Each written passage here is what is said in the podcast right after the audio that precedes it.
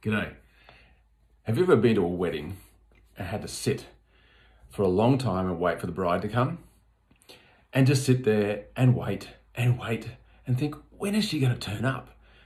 And think, wow, how can she be so late? I've been a wedding like that and I've had to sit for, and wait for like 20 minutes, half an hour before the bride finally turned up. And sometimes you can even get sleepy and fall asleep just sitting in the warm church and get all drowsy and fall asleep. Well, this story today that I want to read to you is from Matthew 25, 1 through 13. And it's the parable of uh, that Jesus told about um, a bridegroom coming to meet some young ladies who are waiting for him to come. And uh, it's really interesting how that uh, in this story in Matthew 25, there's this group of, of young women waiting for this um, arrival of this groom. So, in the Jewish culture, which is a bit different to our Western culture, the uh, ladies are waiting and the people are waiting for the groom to come. Whereas in our culture, we wait for the bride to come. So, in this story, there's this bunch of young girls with their lamps at night and their oil, which lit the lamps, are waiting outside for uh, the groom to come. And it takes a long time. In fact, so long they fall asleep and some of them have got oil, and some of them have, have got uh, no oil, and they've all got lamps. And when the bridegroom finally arrives, very late, because in that culture the groom had to go and build a house first before he arrived, so that's why it took so long. That he then uh, turned up, and the girls didn't have enough light, had to run off and try and get some oil, so they had enough for their lamp. And the girls that did went to go into the uh, the wedding reception, and uh, when the others came back, they were locked out and didn't go, get to go in and they missed out on the wedding.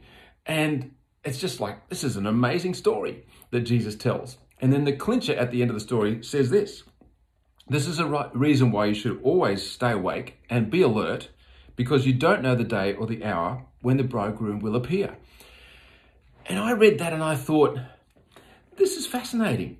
There's this whole story here about the fact that these girls are waiting for this bridegroom to come, and they had oil and some didn't have oil, they all fell asleep, and uh, the bridegroom came late, and then wake up, and they jumped up, and five of them went inside, and five of them went off to get more oil, but only five got to stay inside. The other five got locked out. And then the, at the very end, the moral of the story, or the punchline, says, "Be alert, keep awake, don't fall asleep, because you don't know when the bridegroom's going to come." I don't know about you, but I found that pretty shocking. I thought, wow, for one, I don't understand the story because I'm not Jewish. And secondly, the fact that there were five locked out and uh, that um, they missed out because they didn't have enough oil. And this is, it was really shocking. So, what does this all mean? I was a bit surprised. I thought, oh, I need to look into this a little bit more and find out what this is all about. What's going on here? So, this is a, an allegorical story or a, a metaphor that Jesus tells to his disciples when he's been talking to them in this, this section of the Bible about the fact that he's going to die, leave, go back to the Father, and then one day he's going to return and come back to earth to see us and to be with us and to rule over the earth. So it's about his second return. And he's saying, You're going to have to wait a long time, and I'm going to come back. So it's in the context of the fact that Jesus is going to return one day. And there's this twist in the story. And uh, it talks about the fact in this story that there's this light and there is this oil um, but the interesting thing is that even though the focus in that story is around the light and the oil, the punchline doesn't say anything about the oil. It doesn't say anything about the, the light and the lamp. I'm like, so what's that about? And why does Jesus say that you need to be alert and be awake? It seems to be a bit of a dichotomy, you know, says one thing but then has a different punchline. And the other thing is that they all fell asleep. It seemed unfair, didn't it? So I think the key here is the word stay alert or be alert. And we need more alerts anyway, don't we? As they say. Sorry for the dad joke. So the important thing is here, don't fall asleep, stay awake. Now, I did a bit of a word search here because sometimes the background behind these things in the Greek gives us a, a bit of a hint.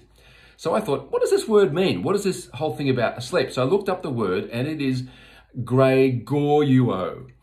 And it means to be awake or to watch. Or another way of saying it is stay awake uh, figuratively to be vigilant and be responsible and watchful.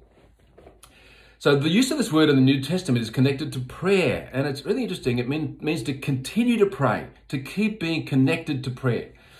Now, there's an example of that in um, Matthew 26, verse 41, where Jesus says to the disciples when he's in the Garden of Gethsemane, um, watch and pray so you do not fall into temptation. So that watch there for watch and pray is this Gregorio, oh, Gregorio, um, which to watch and pray.